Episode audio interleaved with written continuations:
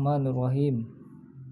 Abu Sa'id Al-Khudri radhiyallahu anhu narrates that Rasulullah sallallahu alaihi wasallam said, "He who had three daughters or three sisters or two daughters or two sisters and he treated them well and feared Allah towards them for him is paradise." Hadis by Tirmidzi.